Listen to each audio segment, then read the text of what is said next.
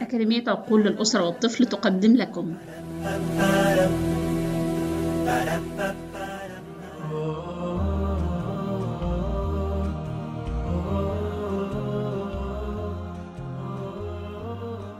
السلام عليكم ورحمة الله وبركاته.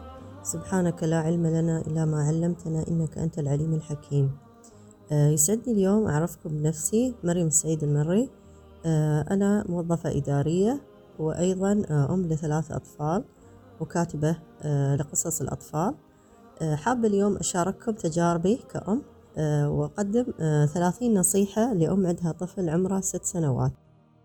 النصيحة الأولى هي تقبلي طفلك كامل كما هو ميزاته وعيوبه.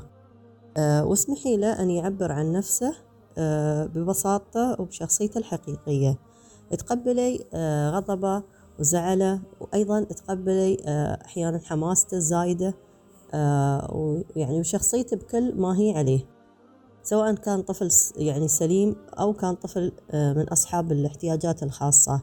تقبل الأم يساعد الطفل على الشعور بالمحبة وعلى الشعور آه، بالراحة حيث أن هذا الشيء يساعده على تقبل آه، نفسه آه، وبالتالي يساعده ينمو ويتطور بشكل سليم وطبيعي ويتجاوز الصعوبات والعقبات الشخصية اللي ممكن تطرأ في حياته كإنسان.